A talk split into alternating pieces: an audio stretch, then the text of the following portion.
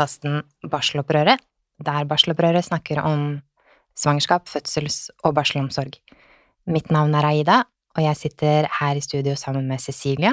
Hallo.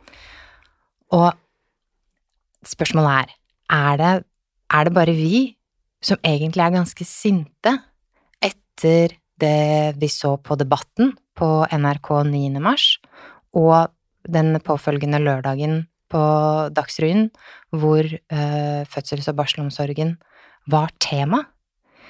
Det er i hvert fall det vi har tenkt å, å nøste opp i i dag. Hva er det hva, hva er det som skjer? Hva er på en måte dagens situasjon? Og hvorfor er vi Cecilia, hvorfor kjenner vi på de greiene her? Fordi det er jo Det er så rart, for endelig, egentlig endelig etter mange år, så var endelig fødselsomsorgen på debatten. Og likevel tenkte jeg bare sånn Da jeg skrudde av at her var det noe som ikke var bra. Det var mange ting som ikke var bra, eh, og som kanskje vi klarer å se litt bak og snakke om, men som jeg tror at mange som kanskje ikke snakker og tenker på fødsel og barselomsorg hver eneste dag. og det er helt lov. Det kan være anbefalt, til og med. Ja. Ikke ser, kanskje. Eh, og jeg, vi kan jo gå litt inn på det etterpå, men jeg reagerte i hvert fall på at menn med makt får lov til å fremme sitt budskap på statskanalen. Det er Mhm. fortsatt statskanalen. Det er så vidt jeg vet. Ja, I beste sendetid, uten at de egentlig blir utfordret på det de sa, Mm. og at det blir stående igjen som en sannhet. Ja. Um, og det opplever jeg som utrolig ugreit, fordi veldig mye av det de sier, faktisk ikke er sant. Eh, og nå har vi jo ropt, jo ikke bare vi, stadig flere kvinner roper dette her høyere og høyere, og så kommer vi ikke til. Og det er liksom samme uken eller uken etter at kvinnehelse at Kvinnehelseutvalget la frem sin utredning hvor de sier at kvinners stemmer ikke blir hørt. Mm. Og at det er et problem, ikke sant? Ja, fordi det finnes lite forskning om kvinnehelse, og at faktisk det brukerperspektivet Vi sitter på veldig mye viktig informasjon som ville gjort helsetjenestene bedre. Og så presterer NRK å ikke invitere en brukerorganisasjon som jobber med dette temaet, til debatten. Mm. Og det, dette er ikke til forkleinelse for Jordmorforbundet, men de representerer jordmødrene, og det skal de gjøre.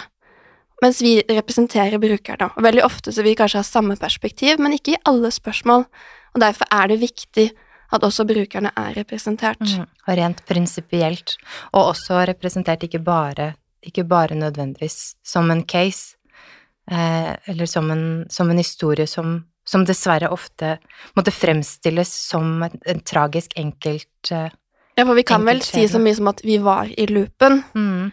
men at de bestemte seg for å ha en Det er en veldig viktig historie. Kjempeviktig. eh, som innledet debatten. Eh, og de er viktige, men det er noe med at dette handler jo i stor grad om et system som ikke fungerer. Eh, og da trenger man også organisasjoner som kan se dette på et systemnivå, og at det ikke det blir redusert til noe som noen gang kan virke som en uheldig enkeltsak. Mm. Eller, ja. Virke sånn utad. Vi Ja. vet jo at dessverre Så gjelder det mange. Mm. Men det er jo kanskje mange som ikke, har, eh, som ikke så på debatten. Um, uh, eller som ikke så på det innslaget på Dagsrevyen. Uh, det kan hende at, at det vi snakker om nå, føles ganske sånn Oslo-sentrert, og det er det jo egentlig i og med at, uh, at vi kommer til å snakke om situasjonen på Oslo universitetssykehus, OS, um, og, og hvordan de på en måte får lov å fremstille situasjonen i media, og hvordan de da blir eller ikke blir stilt til ansvar for det som foregår. Men det vi snakker om, er igjen, da, eh, er en del av det store bildet som, som betegner eh, situasjonen i svangerskap, fødsels- og barselomsorgen i hele landet. Ja, og litt det debattklimaet som er, og måten kvinner blir møtt på når de uttaler seg. Um, så jeg tenker det, det vil jo gjelde, tenker jeg, for alle. Og så er jo ikke til å komme unna at OS er landets største fødeavdeling. Sånn at det som skjer der, det vil jo angå svært mange kvinner og deres familier. Mm. Så hvordan, hva er det som på en måte, hva er det som har ståa på Hva er det som ståa på OS nå? Men um, skulle vi ikke starte med litt å høre hva han hadde sagt? Ja. For, ja, la oss gjøre det. For da kan jo jeg svare på mitt eget eh, på, på en måte på mitt eget spørsmål. Så hvem er han? På Debatten så ble administrerende direktør, direktør Bjørn Atle Bjørnbeth invitert, eh, og i stor grad så ble han invitert for å svare på eh, det her med nedleggelsen av ABC-enheten. Eh, og på spørsmål om det så, fikk, så sa han at OS de har drevet 21 fødestuer, men nå har de redusert det antallet med tre, så det er nede i 18. Um, og han, han sier at grunnen til at de har redusert dette antallet, er fordi at fødetallene har gått ned, så de har egentlig i prinsippet for mange fødestuer, da, eh, til å eh, Ja, de har for mange fødestuer, så da må de legge ned. Og det er visstnok ikke økonomisk motivert, da, sier de. Um, vil du skyte inn noe her? Um, var egentlig at han vel ikke fikk noe særlig motsvar på det, eh, og at vi kommer jo tilbake til det etterpå, men dette er, er Jeg mener at det han sier, åpenbart ikke er korrekt, og da blir det veldig spesielt at han kan stå der på den måten, for det er jo mange som ser debatten, og som ikke nødvendigvis leser et debattinnlegg som vi eller andre skriver, og det er noe med Dermed så blir jo han stående på en måte som en premissleverandør som definerer sannheten, som veldig, veldig mange tror på. Mm. Og det som er interessant akkurat med det eksempelet med at man nå la ned ABC-enheten fordi man egentlig hadde for mange fødestuer, det er ikke lenge siden at begrunnelsen var at man ikke hadde nok jordmødre, så man trengte å bruke de jordmødrene som jobba på ABC, på de andre fødeavdelingene. Resultat Altså antageligvis grunnen til at de ikke lenger kan bruke det som argument er at hva da 14 av 19 av de jordmødrene som jobba på ABC, har sagt takk for meg og slutta. Eh, så de har ikke flere De jordmødrene kan de ikke bruke på de andre avdelingene. En annen, en annen grunn som man oppga for hvorfor man hadde valgt å legge ned ABC, er fordi at eh, de trenger fødestuer som på en måte er de mest fleksible fødestuene, som er tilpass, eller som kan ta alle typer fødsler. Ja, eh, og det er jo på en måte Det er noe som vi hører flere steder, eller i debatten fra OS, vi hører det fra, fra Helse Bergen eh, også, og denne ideen om at det finnes én type fødestue som passer for alle fødende, det blir de heller ikke utfordra på. Og jeg tenker det er, jo, det er jo også helt utrolig, fordi i hvilken, i hvilken annen eh, kontekst i hele dette universet er det man man mener at one size fits all faktisk stemmer. Mm. Og er det det, gjør det faktisk ikke i fødsel. Arg. Ja, for det, det, som er saken, er jo egentlig at ok, OS har to vanlige fødeavdelinger, og de har hatt den ABC-enheten som, som egentlig er en fødestue hvor man tar imot kvinner som ikke trenger eh, hva man sier, egentlig leger eller annen type mm. medisinsk hjelp, og man har tilbudt kontinuitet. Eh, og så har det vært mye debatt rundt det, fordi OS har vel vært ute etter å legge ned den enheten ganske lenge. Ja. Egentlig helt fra de bestemte seg at ikke de skal ha med ABC-enheten over på den nye OS. Eh, og det som på en måte er vanskelig med den debatten, er jo at den har jo sporet av totalt. Um, og, og, det er litt kanskje derfor vi vil egentlig bruke dette som et eksempel, for det viser vel veldig mye av det som er galt nå både i måten man diskuterer fødselsomsorg, måten journalister dekker det på, eh, og også opplever vi i måten vi kan egentlig påvirke beslutninger, eh, og, hvem, og egentlig stille noen til ansvar for det som skjer. Um, fordi det, er, det, har blitt brukt en del argumenter fra OS, sånn som Aida sier nå, hele tiden så skifter man på en måte forklaring. Før så var det at de sa at, vi ikke, at de ikke hadde nok jordmødre. Um, og der er det jo mange som ikke vet at de har ikke hatt nok jordmødre på de vanlige fødeavdelingene, fordi der har arbeidspresset, eller i hvert fall det er en grunn av det, vært så høyt, også før pandemien, at det er veldig, veldig mange som har sluttet. Jeg tror det var nesten oppi 60 jordmødre som hadde sluttet eh, på over to år. Um, sånn at de løste jo på en måte den problematikken ved å stenge ABC-enheten og flytte de jordmødrene over. Um, sånn at jordmormangel hadde egentlig ikke noe med ABC å gjøre. Hvis, hvis man skulle snakket om jordmormangel, så måtte man jo ha bygget ut ABC, for det var det ene stedet hvor man rekrutterte jordmødre. Så den, den forklaringen holdt ikke vann. Uh, og det har jo vi sagt, det har ABC-jordmødrene sagt, og likevel så har vel ikke ledelsen på OS virkelig blitt uh, liksom utfordret på det punktet. Og det synes, opplever vi egentlig som veldig rart. Ja. Det er kjemperart. Og, og også nå på, på Dagsrevyen, så i den, uh, i den saken om de som mistet sitt friske barn egentlig fordi at det var bemanningsproblemer på, på OAS, eller såkalt samtidighetskonflikt, som betyr at de ikke fikk hjelp, uh, hjelpen de skulle hatt, fordi det ikke var nok folk til å ta vare på alle som var der. Um, men i den saken så, unn, så sier jo OOS at de har nok folk på jobb. Eh, men de blir på en måte de men kan- det har de ikke. Ikke? Og, og igjen, da, så blir jo den Det var en tilsynssak mot OS 2019. Det var før pandemien. Det var før alle disse jordmødrene sluttet. Hvor man sa, eller hvor statsforvalteren, daværende eh, fylkesmannen, sa at man må, OS må følge liksom, bemanningssituasjonen sin nøye. I lys av den belastningen de ansatte har stått i over tid, fordi man så at det var stadig flere blant oppgaver som var flyttet over til barsel, eh, uten at man hadde økt bemanningen.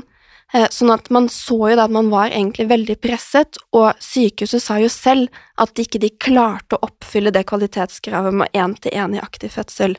Så man går jo egentlig inn i pandemien med en ganske krevende situasjon. Um, og liksom tenker, alle andre steder, hvis jeg ikke har nok ansatte og folk slutter, da må jeg jo gjøre noe for å beholde dem. Det tenker jeg, Mm. det er vel innlysende. Um, men det har ikke OUS gjort. For vi har snakket med folk som jobber der, som sier at det har gått Jeg tror ikke det var før i fjor høst at de begynte å spørre jordmødrene hva kan vi gjøre for å holde på dere, og da har dette pågått egentlig siden eh, 2019. Um, vi hører om jordmødre som har pendlet ut av Oslo for å få bedre lønn og arbeidsvilkår. Eh, så det betyr jo egentlig at OS er ikke lenger i en situasjon som man kanskje var i før, at man var det største sykehuset, og at folk gjerne ville jobbe der. Um, så man det, Dette er jo egentlig ekstremt dårlig ledelse. Eh, og som en jordmor vi snakket med, sa at hvis dette hadde skjedd i en hvilken som helst annen statlig bedrift, så ville det ha kommet en ekstern granskning. Um, sånn at det er kjempe... Hvorfor er det ingen som spør ledelsen på OS hva har dere gjort for å beholde jordmødrene? Hvorfor slutter jordmødrene? Uh, og vi var jo i en møte med OS i fjor, Mm. hvor vi egentlig spurte om akkurat dette her, og så får vi til svar nei, jordmennene de slutter fordi de heller vil jobbe i kommunen. De orker ikke å jobbe så mye natt og helg, og vil heller jobbe åtte til fire. Eh, Og det kan godt hende at noen ønsker det en periode, kanskje både fordi man har barn, eller det kan være andre ting, men det er ikke sånn at alle som slutter på OS, gjør det fordi de vil jobbe åtte til fire på helsestasjonen. Eh, og tenk altså det er ganske spesielt som øverste leder å påstå noe sånt, Mm. når man ikke engang har spurt de som slutter, hvorfor slutter dere? Ja. Så det er, sånn, det er så ekstremt arrogant. Virkelig. Og på toppen av det her så har de jo også store rekrutteringsproblemer, så ja, det er Eh, Og, og så kommer det et annet punkt at noen, jeg vet jeg husker ikke akkurat hvem det var, i ledelsen på OS har kalt jordmødrene på ABC for gamle nisser. Og jeg bare tenker sånn, hvis ledelsen der jeg jobber hadde kalt noen av de ansatte for gamle nisser, da hadde ikke den sittet lenge i stillingen sin.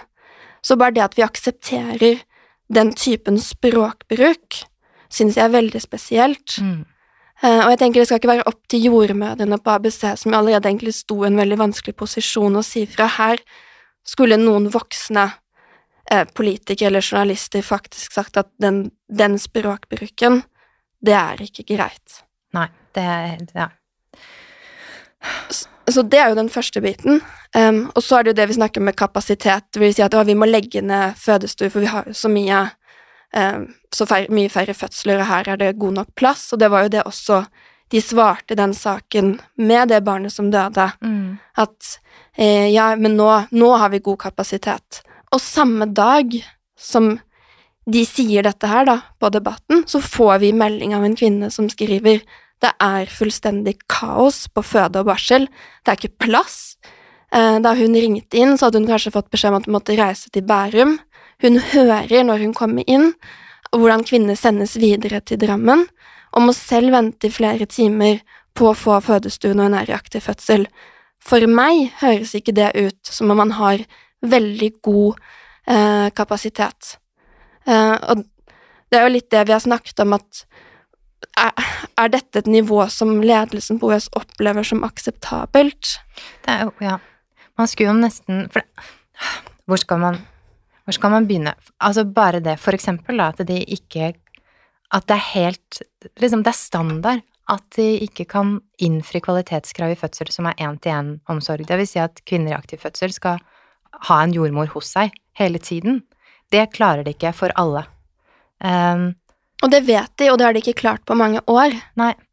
Um, og hva var det Du fortalte dem ja, for liksom, Bemanningen på barselhotellet i seg selv, særlig på natterstid, er jo, en, Ja, er jo helt hårreisende.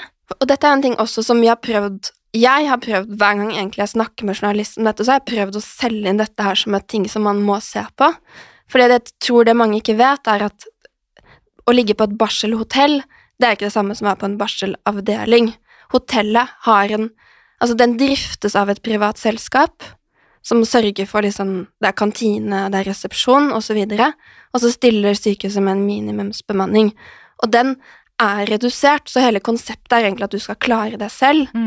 Eh, Men da de opprettet det, så var det jo egentlig en forutsetning at det skulle være friske kvinner eh, med ukomplisert fødsel, og så har man flyttet liksom egentlig stadig sykere og sykere kvinner over. Det er et problem. Eh, Før så var det jo jordmødre på vakt. Eh, Nå blir de stadig mer erstattet av sykepleiere og andre som ikke har den kompetansen. Mm. Um, og jeg husker også etter pandemien at vi snakket med en del kvinner som hadde vært på barselhotellet, som fortalte liksom at de hadde ringt og ringt om natten, og ingen hadde svart. Og liksom, det bare virket veldig rart, syns jeg. Mm. Um, men så har jeg jo nå skjønt i ettertid at det er én person på vakt om natten på hver er to etasjer, og det er nesten 20 rom på hver etasje. Eh, så hvis det er fullt, så er det én person som har, ansvar for 40 mennesker. Mm. Og det er Og det er bare eh, mamma og én baby. Ja. Altså, Ja. um, og, og når det nå da i tillegg er noen som ikke egentlig kanskje har den kompetansen, så tenker jeg hvordan det er for kvinnen å være der, og også tenker jeg hvordan det må være for den personen som er på vakt alene. Mm. Jeg hadde ikke villet ta ansvar for så mange, et så stort ansvar, hvis ikke jeg hadde hatt kompetansen.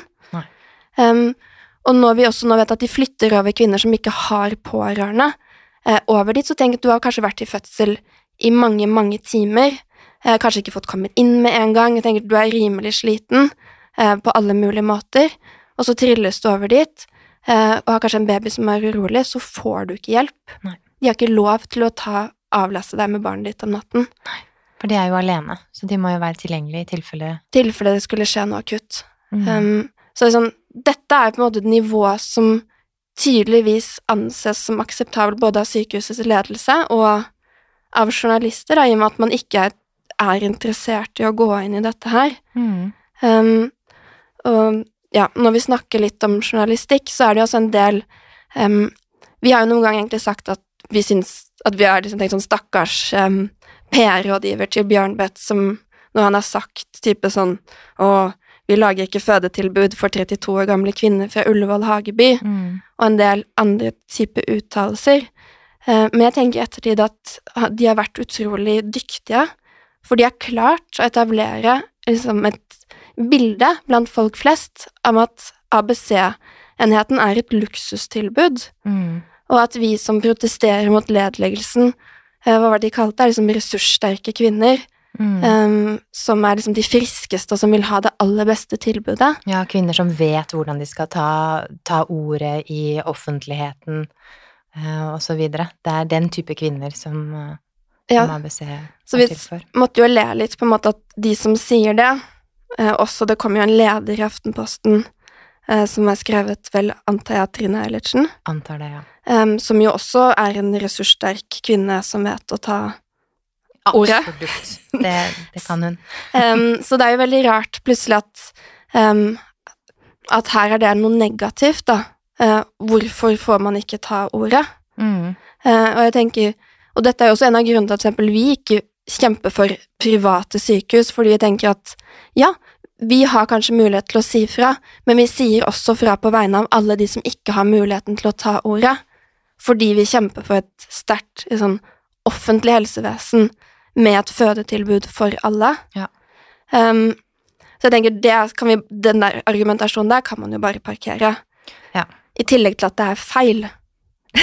Det er feil, og det er det er, er, det, er det virkelig Skal vi legge list Altså, er det en sånn type debatt vi vil Mm. ha? Dette oser jo av forferdelige holdninger som burde ha vært på historiens skraphaug for lengst. Mm. Det er jo nesten litt sånn tinn og still. Ja, og så er det jo egentlig interessant, for det var en veldig god Den kan vi kanskje lenke til etterpå, en artikkel nå som kom i Dagsavisen, og som jo forteller at hva er besenheten? Det er jo egentlig, hva det sa, et rom, en dobbeltseng, et badekar, og en jordmor som lytter med en trepinne. Ja, Eh. ja, veldig godt debattinnlegg skrevet av to damer som jeg ikke husker hva jeg heter akkurat nå. Um, og det er jo det det er. Um, det er jo egentlig liksom minimum. Um, og et prinsipp i fødselsomsorgen er ikke at vi skal ha um, sånne multifunksjonsfleksible rom hvor alle skal føde alle steder.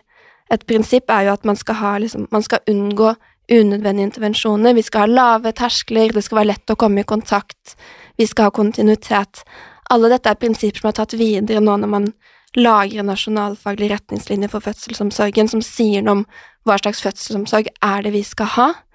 Um, og nettopp på ABC-enheten så er det jo egentlig liksom De fleste fødende er friske, det kan man kanskje også ta med seg. Eh, sånn som legene elsker å si under graviditet, si at eh, svangerskap er ikke noen sykdom, Mm.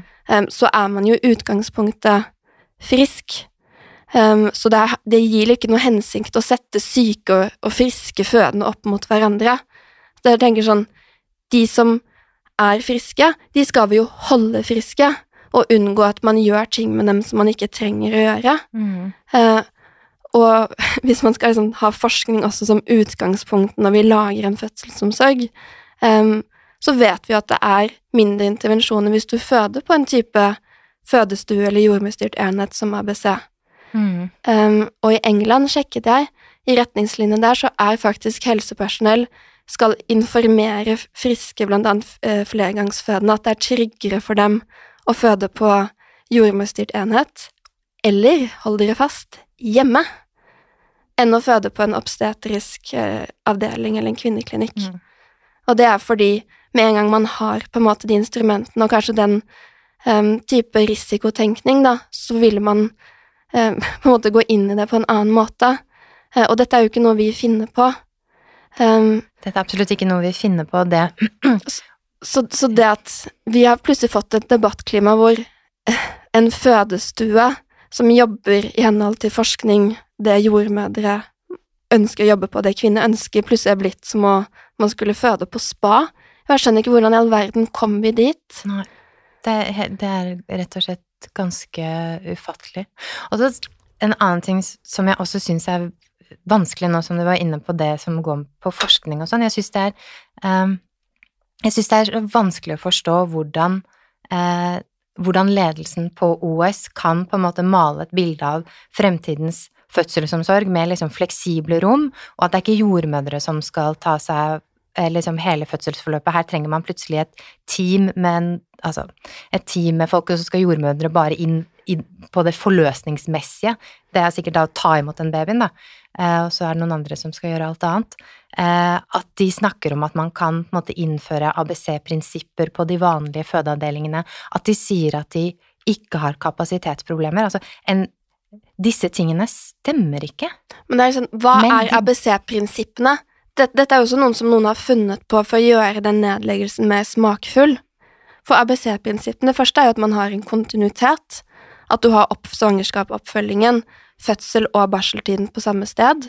Eh, og så sier jo eh, Kvinneklinikken i sitt innspill eh, Ja, til de, eh, de retningslinjene at eh, svangerskapsoppfølging det er det primærhelsetjenesten som skal ta seg av. Um, og dette er jo også noe det, Et annet moment da, i den debatten om ABC-enheten, at man har gått ut og sagt ja, ja, vi skal sikre tilbud til så mange som mulig, og det er jo bare en veldig lav prosent som føder på APC. Eh, og så har man unngått å se at eh, det søker mange flere kvinner hvert år på ABC som kan føde der, men grunnen til at ikke de får plass, er at man har kuttet stillinger. Sykehuset har kuttet stillinger på ABC-enheten som gjør at ikke de kan ta inn alle som ønsker å føde der. Så den lave prosenten har jo de selv vært med å skape, og så bruker de det som et argument for å legge ned tjenesten. Mm. Og så får det stå på en måte relativt uimotsagt. Ja, og de som påpeker det, er jo på en måte folk som oss, da, kvinner um, som tydeligvis ikke blir lyttet av, til av ganske mange. Mm. Uh, og særlig ikke når jo både politikere med makt og igjen avisredaktører med makt bruker den posisjonen de har til å egentlig diskreditere oss uh, ved å gå ut sånn som helseministeren gjør, og si at fødselsomsorgen er god, med R i store bokstaver. Ja, det var faktisk Det er ikke ofte man ser. Nei. Som et svar den, på en kronikk som er skrevet av både en politiker og trebarnsmor, som trekker frem en del åpenbare mangler i fødselsomsorgen. Da syns jeg det er veldig spesielt at helseministeren går ut på den måten. Um, og egentlig nå er det jo direkte flaut etter at den kvinnehelseutvalget la frem sin, sin utredning. Mm. Um, men jeg så ikke noe mer liksom for den debatten Da stilte jo Bekeng på vegne av regjeringen. Om det var litt mer ydmyke takter, det vet jeg ikke helt. Ja, vet ikke. Um, sånn at Jeg tenker det, det vi strever med, er, er, jo at ok, vi har forskningen på vår side. Mm. Um, vi har også veldig sterke uttrykte ønsker fra kvinnene. Um, vi har jordmødrene.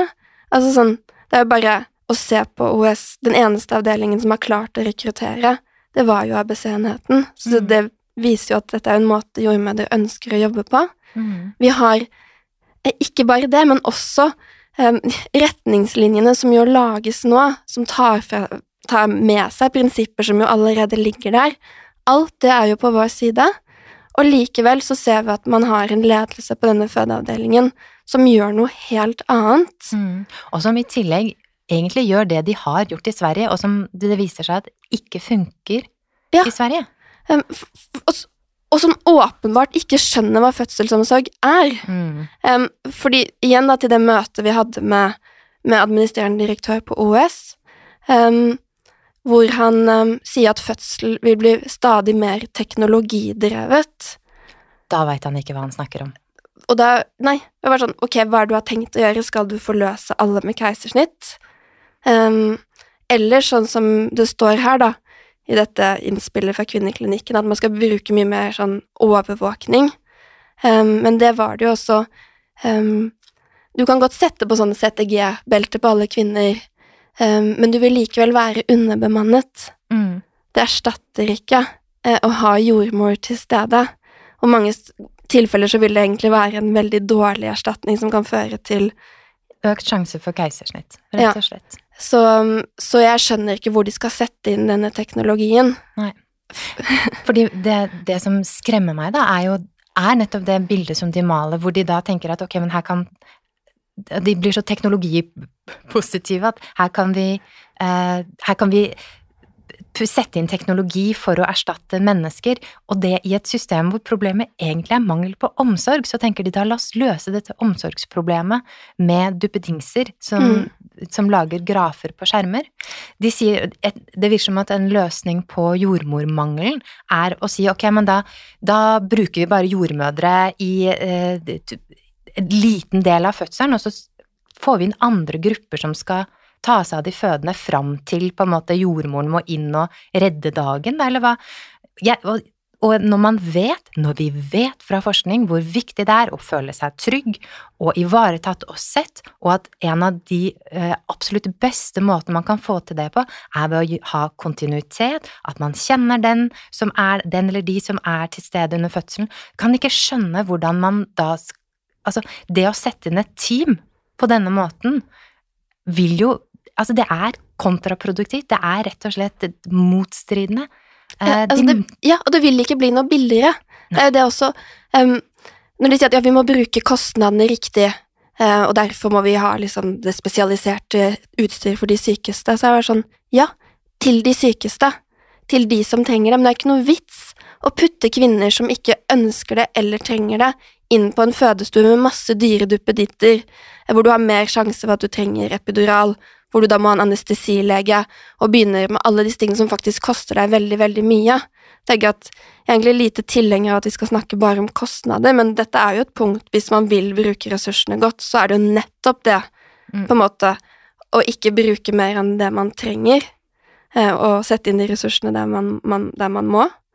Eh, og så vet vi også at når kvinner, hvis man har dårlige fødselsopplevelser, eller andre ting, så skaper jo det ganske mange behov for ressurser og oppfølging i etterkant. Mm. Du vil antageligvis også trenge mer oppfølging i neste svangerskap. Eh, Og det viser jo også forskning, tror jeg, at hvis man har en sånn kontinuitetsmodell, og kvinner har en positiv opplevelse, så trenger de egentlig mindre oppfølging ved svangerskap nummer to. Så, så da skal jeg egentlig tilbake igjen til min kjepphest, som er Aftenposten. Ja. Hvis jeg får lov til det. Eh, og det tenker jeg fordi jeg har jo egentlig lest Aftenposten hele mitt liv og tenkt at her får jeg eh, god journalistikk, og blitt ganske forundret egentlig på mye av det som har kommet når det gjelder fødselsomsorg. Eh, for her går jo også de ut på lederplass og kritiserer blant annet eh, ordførerkandidaten i Oslo fra Høyre, Anne Lindboe, og Marit Vea fra Venstre for å engasjere seg i ABC-debatten. Og så sier de at, eh, at politikerne kan liksom ikke gå inn De ser bare enkeltsaker, men vi må stole på sykehusledelsen, for de ser helheten. Eh, Men når det er liksom åpenbart at det egentlig er motsatt, at OS bare ser sin bitte, bitte lille bit, eh, og vi kan ikke ha det sånn at Sånn som det har blitt, da, tydeligvis, at politikerne hele tiden sier når vi presser dem, at nei, nei, det er ikke vi som har ansvar for fødselsomsorgen, det er det sykehusene som har. Og når liksom en av landets viktigste aviser går inn og egentlig sier det samme, eh, og så ser vi jo at sykehusene de tar jo ikke ansvar for helheten. De ser ikke en kvinne liksom fra hun er gravid, ut barseltiden, hvordan, hvordan kan vi lage et løp som ivaretar denne kvinnen? Um, uh, ja. Men, og, og det er liksom den frustrasjonen jeg tenker som mange av oss sitter med nå. Nå har vi, vi har stilt politikerne til ansvar. De spiller ballen over til helseforetakene. Vi prøver å stille helseforetakene til ansvar. De lytter ikke til oss. Eh, og, og hva gjør vi nå? Ja, hva gjør vi nå? Fordi jeg tenker, det er det liksom Vi har kommet til det punktet, egentlig, at Ja, nå har vi ropt høyt, Mm. mange, og det er litt deilig å se at vi Jeg føler litt sånn hele tiden at vi blir flere. Det blir flere og flere. Eh, Nå er det flere pappaer også. Det er flere pappaer, det er flere kvinner som, liksom, som skriver ordentlig gode innlegg, som, som har satt seg inn i forskningen, og som åpenbart kan mer om fødselsomsorg enn administrerende direktør Mm. på OS, Mm. um, eller de som leder kvinneklinikken, for den saks skyld. Mm. Um, men det hjelper ikke. Uh, og så lurer jeg litt sånn, kan vi ha det sånn Nei. i et demokrati? Nei, og nettopp, og da sikter du til at vi jeg, kom, Vi har kjempestore problemer, men vi kommer ingen vei, og vi har egentlig ingen, ingen å Ingen stille å stille til ansvar. Nei. Um, fordi det er jo det som jeg synes er så arrogant med en del av de uttalelsene fra politikerne og en del journalister, er jo at de sier at det er helseforetakenes ansvar, vi stoler på at de lager et trygt fødetilbud i tråd med kvalitets... eh, hva er det? Standarden eller kvalitetskravene for Helsedirektoratet. Og så ser vi jo alle sammen at de ikke gjør det. mm.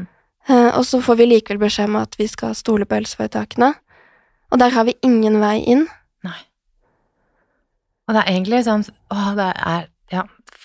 For vi har jo stilt oss spørsmålet liksom Når, når er nok nok, liksom? Når, når er det vi tipper over? Og Hvor det faktisk skjer noe. Ja, for det er sånn, det holder ikke at kvinner sier ifra. Holder ikke at jordmødrene varsler. Det holder ikke at jordmødrene slutter heller, og det holder faktisk ikke at friske barn dør. Og, og, det, og det verste i alt er at de bruker jordmormangel istedenfor at man sier sånn ok, her er det åpenbart noe veldig galt når jordmødrene ikke vil jobbe her. Istedenfor å tenke at For det er det jeg har gått og ventet på, sånn som jeg sa, da. Hvis over 60 personer slutter, så må man jo kanskje se er det noe med arbeidsforholdene. Nei, da sier de heller at ja, da må vi kutte ytterligere i tilbudet. Det er akkurat som vi må betale prisen for at de har drevet elendig i løpet av mange år. Mm. Og har du tenkt over at nå er det jo på en måte Nå som fødselstallene har gått ned, så er det jo da får de jo enda mer grunn til å kutte i alle helseforetakene. Å ja, nei, men da trengte vi ikke oppskalere, sånn som i Bergen. Å, da trengte vi ikke like mange barselrom, sånn som vi kanskje så Mm. for oss at vi tenkte, for nå har tallknuserne vært inne og sagt vi trenger ikke mer enn fem, og de trenger vi ikke bare noen ganger. Mm. Istedenfor igjen å tenke sånn Å, er det en grunn til at kvinner kanskje ikke vil føde flere barn? Um, og, og jeg tenker liksom Egentlig så har jo vi kvinner et ess i ermet, da. De trenger folk, at Vi samfunnet vårt trenger flere barn. De ønsker seg flere barn. Um, men likevel så har de på en måte tydeligvis ikke ennå sett at de må høre på oss hvis de vil at vi skal få flere barn. Ja, og jeg tenker det er, det er jo akkurat det med barn og sånn, det er komplekst, men jeg er helt sikker på at en av de eh, brikkene i det puslespillet, det handler om svangerskap, fødsels- og barselomsorgen. Det er mange kvinner som ikke orker, eller ikke tør, eller ikke klarer å gå inn igjen i, i et system som de har opplevd at ikke tok vare på dem i det hele tatt. Og jeg tenker når, når systemet da ikke er til det beste for mor og barn, så kan man heller ikke forvente at kvinner skal ha lyst til å få flere barn. Nei, og, tenk, og noen sier at sånn Jeg vet ikke om jeg klarer å gå gjennom det en gang til. Og det, det må jo politikerne lytte til. Um, så, sånn at vi er på et sånt veldig, egentlig et veldig rart sted, føler jeg, demokratiet vårt nå også, hvor som vår valgte helseminister hun egentlig går ut og sier liksom, til oss kvinner at dere tar feil, fødselsomsorgen er god, jeg vet best. Um, ikke oppgir noen kilder. Um, og likevel, og det er liksom det tar fra oss på en måte den fortellingen vår. Mm. Um, og det er, det er et veldig stort overtramp, for det å ikke bli trodd, eh, det, det gjør jo noe med en. Ja, Det gjør det.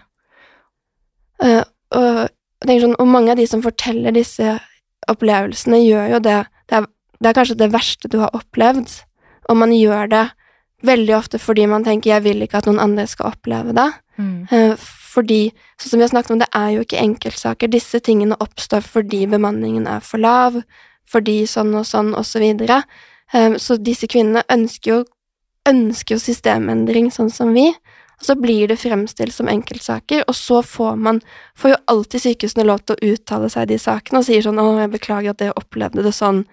Um, så den jeg tenker sånn, Når du har tatt det skrittet og står frem, så tenker jeg at da skal man i hvert fall forvente minimum på en måte av respekt av politikere og sykehusledere, at at de lytter til det og ser at uh, her er det noe med systemet som ikke er bra nok. Ja. Anerkjenner det. Og ikke bare ja, syns at det er synd at du følte det sånn. Eller at du kanskje hadde litt høye forventninger, som man ofte får. Ja. Som man ofte Man skal ha høye forventninger, man får ofte beskjed om at, man, øh, Mm. at det var det som var problemet. Men du hadde jo også et godt eksempel, si hvis det er en trafikkulykke, Ja, det, det, det. så kommer det jo ikke en disclaimer når det er på nyhetene at jo, det er veldig få som dør i trafikken. Ja, for det den, den, øh, det innslaget på Dagsrevyen som vi nevnte innledningsvis, det er både helt sånn i starten av innslaget og på slutten, så sa de, eh, eller så sa hun, eh, nyhetsankeren, at eh, det er veldig sjeldent med sånne uforutsette dødsfall i fødsel. Um, og jeg reagerer på at det insisteres på det, både før og etter innslaget, for man insisterer ikke på det, for eksempel da ved trafikk, eh, eh, ved trafikkulykker, eh, dødsulykker i trafikken, så insisterer man ikke på at Men det er, eh, det er veldig sjelden, og vi har egentlig veldig trygge veier i Norge. Men ved å insistere på det, så opplever i hvert fall jeg at man da egentlig reduserer denne saken som faktisk jeg mener er systemkritikk, så reduserer man den til en enkelt, en trist enkeltskjebne. Mm, og, og dermed tar den fra deg også egentlig den kraften som ligger i den krutt... Altså, det er jo egentlig Og det er rart at journalistene gjør det. Ja, det er kjemperart. Fordi en journalists rolle er jo på en måte også å løfte frem de stemmene som har mindre makt, og det er jo helt åpenbart at liksom, pasienter i møte med et kjempestort liksom, regionalt eller eh, helseforetak er den svakere parten. Og også de brukerorganisasjonene sånn som oss, som jo stort sett er kvinner som driver med dette her på fritiden, Mm. um, er den svakere parten i en sånn type debatt. Um, sånn at det er veldig rart at ikke presten måtte, kanskje egentlig er mer bevisst på at de her må ut. Hvem er det som sitter på makten i denne situasjonen? Det er jo politikerne og sykehusledelsen, at de har en rolle både i å utfordre dem, Mm. og ikke liksom også de å diskreditere kvinner med å liksom Jeg vet ikke. Nei. Og det er jo liksom, Kan jo få følelsen av at hver gang man leser en eller annen sak eh, om svangerskap, fødsel og, og eller barselomsorgen, så, så starter den på en måte med at eh, eh, Norge har verdens beste fødsels, eh, fødselsomsorg, eller dette er det beste landet å føde i, eller vi har kjempegod statistikk. Og med en gang du på en måte starter der, så har du egentlig sagt at eh, at det som, hvis det følger noe negativ kritikk, så er det enten fra noen folk som ikke skjønner hvor bra de har det, eller eh, noe man egentlig kan se litt vekk fra fordi at det er det er liksom odd og passer ikke inn i Mm. det generelle bildet. Ja. Ja, og det er liksom det er ikke så mye pirke borti noe. Og jeg bare lurer på hvem er det, hva er det de skal forsvare, hvem er det, altså sånn, hvem er det som har noe å tape på at vi som sier at, vet du hva, det er faktisk mange ting som ikke er bra nok, Mm. vi må gjøre noe med det. Jeg skjønner ikke helt liksom, den derre, det virker som noen sånn, de absolutt sånn innbitt skal forsvare et eller annet, jeg skjønner ikke helt hva det er. Hvilke tær er det vi tråkker på Ja. uten å skjønne det? Hvem? Ja, hva er dette, hva handler det om? Jeg vet søren ikke, altså. For det er noe rart. Det er noe rart der. Vi har, altså både er man skremt opp på en måte noen åpenbare liksom kvinnefiendtlige holdninger Mm. som lå der som man kanskje ikke visste om. mm. Um, kanskje det kan jo hende at noen har blitt litt sånn overraska at plutselig Oi, de fødende har meninger. Og visstnok så hadde de rettigheter også, som vi har glemt å forholde oss til. Upsi! og en del sånne ting. Så jeg vet ikke helt. Uh, men det er liksom tydelig at vi har støtt i både noe som handler, handler om makt, det handler om holdninger, det handler om systemer Altså det er ganske stort. Stort og intrikat. Og ømtålig på en Ja. eller annen måte. Ja, mye mer enn det jeg hadde trodd da vi startet med Mm. dette her. Ja. ja, for det er jo på en måte Det er jo helt klart at fødsel er en veldig sånn personlig personlig greie, men dette her går utover det som bare handler om det personlige. Altså, det, dette kan ikke forklares ved at folk har hver sin enkeltfødselshistorie. Altså, nå vet jeg ikke om du skjønner hva jeg Jo, jeg skjønner. Jo, jo, absolutt. Um, men ja, men jeg tenker sånn Det ville kanskje vært med hvis vi hadde Ja, sånn er kvinner imellom, men det er ikke det det Det handler er, om. nei, for det er nettopp det det ikke gjør, så det kan ikke, det kan ikke forklare det. Det er noe annet. Um, så ja. Så de har vel kanskje ikke noen flere gode svar akkurat nå, Nei, er, i motsetning til alle de gode svarene vi hadde før. annet enn at vi startet vel med liksom barselomsorg for to år siden, Mm. og har liksom landet nå på et punkt hvor vi egentlig spør liksom, hvor er veien videre for liksom norsk helsevesen og norsk demokrati, Ja. eh, og norsk eh, journalistikk. Mm. Tenk på det. Barselomsorgen er så grunnleggende at det er rett og slett eh, Kan vi si at det er vinn eller forsvinn for demokratiet? Ja, Det mener jeg. Mm.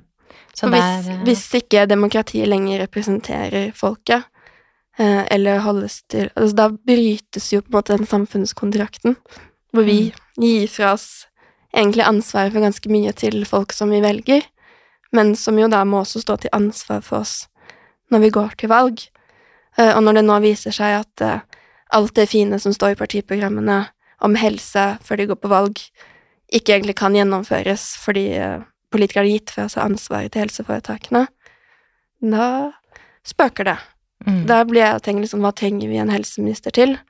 Fordi i mange tilfeller så gjentar han jo egentlig bare det helseforetakene sier, Mm. og blir jo på en måte egentlig bare en slags eh, hva er det, talerør eh, for dem. Og, Og jeg trodde at hun representerte oss. Ja, og så kan man jo tenke at de Så kunne man jo tenkt at ok, men, men de kan i hvert fall på en måte påvirke gjennom hva slags bevilgninger de gir, og så videre. Så har, så vi nå at for det var jo masse snakk om at OS skulle kutte innmari mange eh, Kutte veldig mye mange stillinger eh, nå av den økonomiske situasjonen, og så fikk de to omganger mer penger fra helse... Eller fra regjeringen, fra staten.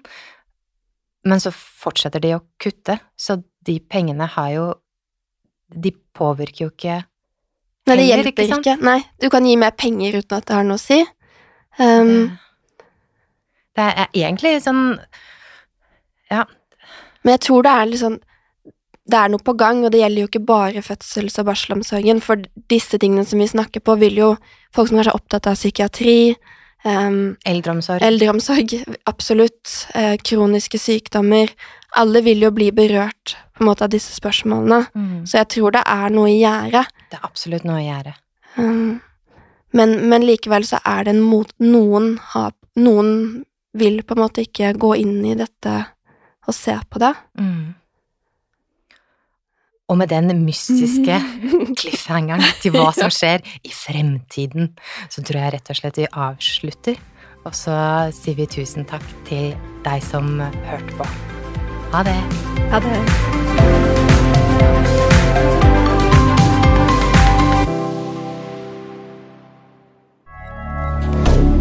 Moderne media.